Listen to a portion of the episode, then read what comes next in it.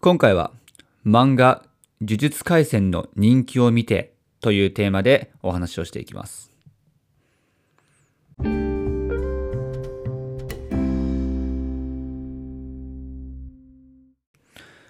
皆さんこんばんは。ヒロトのふらっと独り言、えー本日日曜日の配信を始めていきます。今はですね、えーちょうどこれ撮ってるのが日曜日の23時55分ということで、もう間もなく、まあ、5分後には月曜日を迎えるという状況でございますけれども、はい。皆さんはこの土日はいかがお過ごしでしたでしょうか、えー僕はですね、まあ、昨日はちょっと雨の日にもかかわらず、まあ、新入浴に行ってみたりとか、今日は、まあ、一日中、まあ、お家にいて、そうですね、まあ、いろいろと作業をしてました。うん。まあ、せっかく、あの、MacBook も買ったので、それでカタカタと、ちょっとワードやら、エクセルやらで、はい。まあなん、なんやかんややってましたという感じですね。うん。まあ、このペースいいですね。なんか、一日は外で、まあ、思いっきり楽しんで、で、一日は、まあ、家の中でゆっくりするっていう、このメリハリ感。うん。まあ、なんか休日の過ごし方として、一つ、なんかテンプレートができたなっていう、そんな印象です。はい。えー、そんな感じで、まあ、今日はですね、えー、テーマとしては、漫画、呪術廻戦の人気を見てということなんですけども、非常に言いにくいですね。呪術廻戦。あの、ま僕そこまで滑舌が良くないので、もうね、毎回この発音するたびにもう噛みそうになるんですけども、皆さんご存知でしょうか、うん、最近、まあすごく、まあ、人気がありますね。うん。まあ、テレビアニメなんかも、えーやっていて、まあそれこそ、えーいつだったっけな、まあ、金曜日の、まあ、1時とか、まあ、深夜の放送ではあるんですけども、うん、今ですね、まあ、鬼滅の刃の、まあ、次に、まあ、ブームが来るんじゃないかっていう言われてるぐらい、まあ、すごくですね、あの、注目が集まってます。うん、で、この呪術廻戦ってどういう話なのかというと、えー作者はですね、まあ、これまた面白い名前で、アクタミゲゲさんっていう、これは男性なのか女性なのか、ちょっとわからないんですけども、うん。まあ、こういった作者が書いてまして、で内容としてはですね、あの、鬼滅の刃とか、約,、えー約束のネバーランドみたいな、まあ、ダークファンタジーですね。うん。やっぱ呪術の呪が、もう呪いっていうふうにあるように、あの、まあ、人間の負の感情から生まれてくる呪いと、えーそれに対して人間が対峙していく物語ですね。うん。まあ、なので、まあ、構造としてはすごくシンプルなので、あの、まあ、鬼滅の刃とか、ね、それと同じような感じですかね。うん。で、その、まあ、負のエネルギーを、まあ、術として使える、まあ、存在がいるわけなんですけども、えーまあ、これはいわゆる呪いを払う人ですね。これを、ま、呪術師と言って、で、一方で、まあ、敵がいるわけですよ。で、敵は、その呪霊とか、あとは呪詛師という呼ばれる存在で、で、この違いは何かっていうと、で、呪霊っていうのは、あのーまあ、基本、まあ、人間の言葉を、返さないけれども、その呪い、呪いですね。うん、負の感情から生まれた、まあ、モンスターみたいな、まあ、そんな存在です。で一方で、呪詛師って何かっていうと、えこれはですね、まあ、呪霊に比べて、あのまあ、一段落、うん、上の存在、まあ、知能があるんですね。うんまあ、知能があるので、人間の言葉を、えー理解することができると。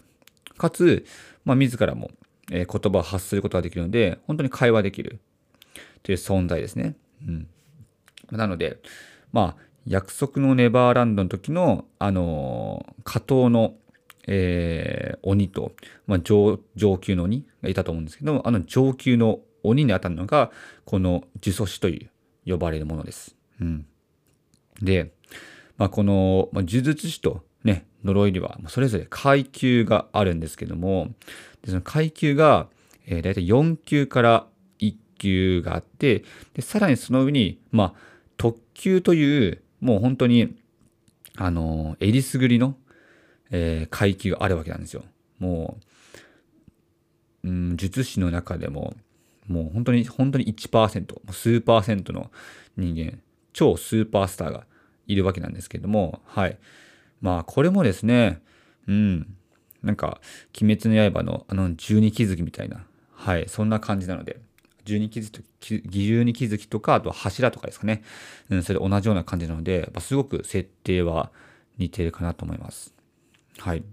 で、まあ、簡単に、まあ、この呪術廻戦のあらすじをお話しすると、はい。ちょっとね、あのー、いろいろ考えたんですけれども、まあ、1話をね、まあ、ざっくりとちょっとご紹介すると、うん、それが一番いいかなと思ったので。で、まあ、この物語の主人公が、えー、虎杖、まあ、裕二君という、あの、まあ、仙台に住む、まあ、普通の高校生なんですね。で、彼は、あの、その高校内にある、オカルト研究会っていう、まあそういう、まあちょっと怖いものが好きな人が集まる、まあそういうとこに所属をしていまして、で、ある時ですね、その、まあ特級呪物と呼ばれる、まあ呪いの品物、代物を、えー、持ってくるんですね、そのオカルト研究会に。うん。で、その時は、あの、まあ、封印というか、お札が貼られていて、まあ、中身が見えないので、まあ、どういう代物なのかっていうのは全然わかんないんですけども、えー、ある時ですね、そのオカルト研究会の、えー、ちょうど虎杖裕二を含めて、まあ、3人確かいたんですけども、えー、そのうちの2人がですね、その中身を開けてしまうんですね。うん。で、その中身を開けると、中からはなんと、えー、指が出てくるんですよ。はい。もうここからもう、ね、僕最初見たとき、うわー、ちょっとなーって思ったんですけれども、まあでも、まあ、見ていくうちに、まあ、慣れましたね、そこは。はい。で、ちょっと話を戻すと、で、その指っていうのが、何の指かっていうと、あの、両面スクナって呼ばれる、あの、かつてですね、えー、呪術、呪詛師の中でも、もう、王様、うん、めちゃくちゃ強かった、えー、そういう、まあ、化け物がいたんですけども、その指なんですね。で、その両面スクナっていうのが、あの、両面っていうことからわかるように、まあ、顔が2つあって、で、かつ手が4つあるんですね。はい。ってことは、手が4つあるってことは、指は20本あるわけですよ。で、その20本のうちの1つが、そのオカルト研究会に、まあ、持ち込まれた指ということで。はい。で、この指がですね、あの、まあ、特級呪物というふうに言われていて、まあ、非常に強力な、まあ、磁力があるんですね。うん。で、その強力な磁力を、えー、お札が貼っていたのに、まあ、解いてしまったというわけですと。で、まあ、その、まあ、特級呪物はですね、まあ、すごく、まあ、強い力があって、で、で呪霊がそれを取り込むと、自らが特級呪霊になれるっていう、そういう、もうなんていうんですかね、あの、チートみたいな、はい、そういう代物です。うん。で、まあ、その、えー、代物が、はい、まあ、封印を解かれたということで、まあ、当然、まあ、力を得たい呪霊が集まってくるんですよ。で、そのオカルト研究会の二人も、襲われてしまうわけなんですけれども、はい。で、そのことを、えー、知ったですね、あの、虎杖君は、はい、えー、呪術使いのえー、伏黒めぐみという、えー、これも高校生なんですけれども、と2人、えー、2人で助けに行くんですね。で、この伏黒めぐみっていうのは、えー、どういう人なのかというと、あの、この子は別に、その虎杖裕二と同じ高校ではなく、別の、まあ、東京都立呪術高等専門学校っていう、えー、呪術師を育て上げる、まあ、学校があるんですけども、そこの、まあ、生徒の一人で、この不思議の恵みは、そこの、ま先生にですね、あの、両面少なの日々を回収してこいということで、まあ、任務で、えー、学校に来てたんですね。で、その任務の途中で、まあ、虎杖にばったり会ったということで、はい。で、その指の説明をやっぱするんですね。不思議の恵みが。あれは極めて危険なものなので、回収しに来たんだということで、はい。で、そのことを、え、話して、二人で学校に乗り込んでいくわけなんですけども、もうまさにですね、もう、伏黒めぐみとえー、虎杖がついた頃には、もうオカルト研究会の2人が、あの、呪霊に飲み込まれそうになってたんですね。うん。まあ、なんとその呪霊も、まあ、スクナの指と一緒に飲み込もうということで、えー、2人を助け出すために、まあ、すごく戦うんですけども、やっぱりですね、呪霊も、まあ、あの、そんな弱くないので、うん。まあ、すごく苦戦を強いられて、もう一時は、あの、まあ、不思議の恵みは、もうすごくですね、まあ、瀕死の状態というか、すごいダメージを受けてしまうんですね。うん。で、一方の、虎杖に関しては、あのー、もう普通の高校生で全く、まあ、呪術を使えない人間なので、はい。あの、呪霊を倒すためには、呪術を持っていなければいけないということで、逆に言うと、あの、呪術を持っていない、えー、人っていうのは、あの、呪霊に、まあ、触れることもできないんですね。うん。なので、まあ、呪霊を払えないということで、でそこで虎杖が考えたのが、そのスクナの指を飲み込めば、えー、自分が呪術を得られるってことが、あの、伏黒の話から分かっていたので、えー、それで取り込むんですね。まあ、飲み込むんですよ、指を。はい。もう、そこだけ聞くとね、すごい気持ち悪いんですけれども、うん。それ飲み込んだことによって、あのー、そのスクナ、スクナが、えー、虎杖の体を取り込むわけなんですよ。で、取り込むことによって、まあ一、一時的に、えー、虎杖の体がスクナに変わりますと。で、それによってものすごい力を、えー、得て、まあ、呪霊をめった打ちにするんですね。うん。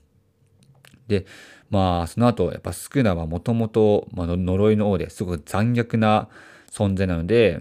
あの、呪霊を倒した後も、えー、伏黒を襲おうとするんですけども、えー、これがですね、あの、すごく、えー、不思議で、まあ、虎杖は、その、自分の体を完全にコントロールすることができるということで、えー、まあ、すぐに、スクナと自分を入れ替えることができるんですね。うん。なので、完全に、えー、虎杖の体は、あの、スクナをコントロールできるという状態で、えー、これが、普通の人間には、まあ、絶対にできないという設定なんですね。うん。はい。で、まあ、ここで、あの、虎杖と、まあ、スクナの、まあ、共存が始まっていくわけなんですけども、えー、そこでね、いろいろやっていくうちに、あの、伏黒の担任の先生である、あの、これが五条悟という男が現れるんですけども、えー、彼はですね、まあ、呪術師の中でも最強を誇る人間。まあ、えー、まあ、五条家の血を引く者ということで、まあ、代々、まあ、すごく、まあ、強い呪術師として受け継がれてるんですけども、え、彼はその中でも圧倒的な存在で、はい、あのー、まあ、虎杖の体をまとった、もうスクナなんかも、あのー、まあ、敵じゃないということで、もうすぐに、えー、スクナを拘束するわけですよ。うん。で、イタリアに眠らせて拘束させるんですけども、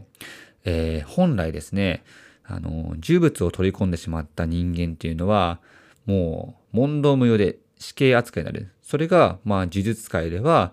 えー、まあ、掟というふうになっていたんですけれども、えー、ここでですね、伏黒が、まあ、すごく優しい人間で、まあ、虎杖を、ま、どうにかしてくださいと。まあ、市場なんですけども、なんとかしてくれというふうに、その五条悟に頼み込むわけなんですけども、結果的にでも、まあ、死刑が決定してしまうんですね。まあ、なんですけども、一つの条件付きで、まあ、執行猶予が与えられて、で、さっきも言ったように、まあ、スクナの指っていうのが、まあ、全部で20本あるということで、えー、それをですね、全部飲み込んで、まあ、スクナを復活させて、で、その復活させた状態で、えー、スクナを倒して封印することによって、えー、もう呪いっていうのがこの世から消え去るということを、まあ、五条悟は、まあ、伝えるわけなので、えー、そんなこんなですね、えー、虎杖は、まあ、どうせ、まあ、死刑なんだったら、もうこの世から呪いを消して、で、自分がその任務を全うしたいということで、えー、虎杖の呪術師と呪術師としての、えー、冒険が始まるわけですと。もう何回言っても、えー、なりないですね。呪術、呪術。はい。練習します。で、こんな感じで物語が始まるわけなんですけども、いや、本当にもうざっくりとした説明でちょっと申し訳ないです。はい。なんですけども、まあ、この呪術廻戦が僕も本当に最近、まあ、それこそ先週ぐらいから見始めたんですけども、まあ物語の展開がすごく面白くて、うん。やっぱり、まあ本当に必殺技とか、うん、それこそ、何ですかね、もうそのキャラならではの技とか、うん、まあ、出てくるので、やっぱりですね、まあ、鬼滅の刃とか、うん、まあでも呼吸とかね、いろいろあったと思うんですけども、うんま、本当にそれに似たような感じで、ま、引き込まれてしまう、まあ、そんな作品なので、僕はですね、毎回もうアニメをすごく楽しみにしてます。うん。で、それで思ったんですけども、えー、まあ、今日ですね、その呪術廻戦の漫画を、えー、集めようと思って、まあ、あらゆる書店に足を運んだわけなんですね。うん。足を運んだはいいものの、もうどこを探せど、もう全然漫画が置いてないと。うん。まあ、要するにめちゃくちゃ人気なので、あのー、もう全然ですね、まあ、見つからない状態が続いて、まあ、最終的には、えっ、ー、と、確か全部で1から13巻あるんですけども、そのうちの2から5巻を除いて、まあ、買うことができました。うん。なので、だいぶ中途半端な状態で揃ったわけなんですけども、はい。で、それと同時に、本屋に行くと、至るところで、あの、鬼滅の刃の、まあ、最新刊と、あと外伝があるのかな？それが売り切れてるっていう、えー、そういう張り紙がね、もうどの書店でもありました。なので、この呪術廻戦と、えー、鬼滅の刃、この2つがですね、特にもう人気すぎて、もう全然漫画本すら手に入らない状態っていうのを今日はすごく感じたので、うん。やっぱり人気の漫画って、まあこうも、まあ集中するんだなってことをすごい思いましたね。うん。はい。で、あとは、このなんか状態から、ちょっとね、最近のなんか人気漫画の、まあ、トレンドが、まあ、あるんじゃないかってことで、改めて思い返してみたんですね。で、具体的に言うと、えー、鬼滅の刃と、約束のネバーランド、そしてこの呪術廻戦、この3つに、まあ、共通していることは何かっていうことを、まあ、自分なりにちょっと考えてみたんですけれども、えー、大きく分けて2つありました。えー、まずですね、その同世代のメインキャラクターが、えー、どの漫画も3人いることです。うん。で、鬼滅の刃で言ったら、えー、主人公の鎌野炭治郎、そして、えー、走り屋伊之助、あとは、吾妻善逸、この3人ですね。で、約束のネバーランドで言ったら、えー、エマと、あとノーマンと、えー、レイっていう、この天才3人集団ですね。で、この呪術廻戦に関しても、この、えー、虎、虎杖と、えー、伏黒は共に1年生なんですけれども、えー、この1年生がですね、もう全部で3人いるという、まあ、設定なんですね。で、この3人目っていうのが、えー、釘崎野原という、まあ、女の子なんですけれども、まあ、名前からも分かる通り、ま、釘を使って、えー、まあ、呪術を使う、えー、そんな女の子がいますと。なので、この3つに共通するのが、メインキャラクターが3人いるっていう、まあ、そういう設定ですと。で、あともう一つ何かっていうと、えー、どの作品も敵はもう化け物ってことですね。うん。まあ、それこそ、鬼滅の刃と約束のネバーランドに関しては、どちらも鬼が、あの、メインの敵でして、で、呪術廻戦に関しては、まあ、呪いですね。なので、最近のなんかヒットしてる漫画は、このメインキャラが3人いること、そして敵は鬼やら、まあ、呪いやら、何かしら人間ではない化け物であるということが、まあ、共通点としてあるんじゃないかなっていうふうに思いました。うん。まあ、僕はこれを見て、うん、まずメインキャラが3人に関しては、えー、おそらくですね、まあ、視聴者から見たときに、えー、誰かしら自分自身と重ね合わせられる、まあ、存在がいることが、えー、一つ、まあ、感情移入という点で、まあ、効果を、まあ、発揮してるんじゃないかと思いました。うん。やっぱり、えー、まあ、一人だけだったらメインキャラクターが、本当に自分に合うか合わないか、それで判断されると思いますし、まあ、2人だったらおそらく、あの相反する、うん、キャラクターになると思うんですね。例えば、クール系が1人いたら、もう1人は熱血系みたいな、そういった二極化の、えー、構造になりがちだと思うんですけれども、ことさら3人いると、えー、例えばクール系と熱血系で、もう1人が本当に両方を兼ね備えたバランス型みたいな、そういう状況が生まれると思うので、なので、誰かしら、あのー、自分自身で重ね合わせた時に、まあ、該当する人がやっぱ一人はいるわけなんですよ。うん。まあ、必ずしもそうとは言えないと思うんですけども、あの、その確率が高いんじゃないかっていうふうに思って、なので、やっぱ感情移入をしやすいっていう意味では、えー、まあ、キャラ設定としても、まあ、3人、もしくは4人ぐらいいた方が、うん、すごくですね、ま、作品に対してのめり込みやすいんじゃないかなっていうのは一つ思いました。うん。あと、化け物が敵に関しては、えー、これはですね、うーん、化け物自体にそこまで、なんだろうな、まあ、魅力を感じるというよりも、やっぱりその化け物にも、うん、さっきも言ったように、まあ、言語を、えー、理解するものと言語を理解しないもの、もしくはその言語を理解する中でも強さが分かれている。このやっぱり強さに階級があるっていうのは、えー、一つその、まあ、読者とか視聴者の、まあ、関心を引きつける要素なのかなと思いました。うん、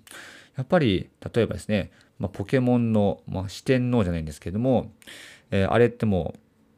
う、えー、四天王とか、まあ、ジムリーダーですねっていうようにあれってもうどんどんどんどん倒すごとに敵が強くなっていく。あの感覚っていうのが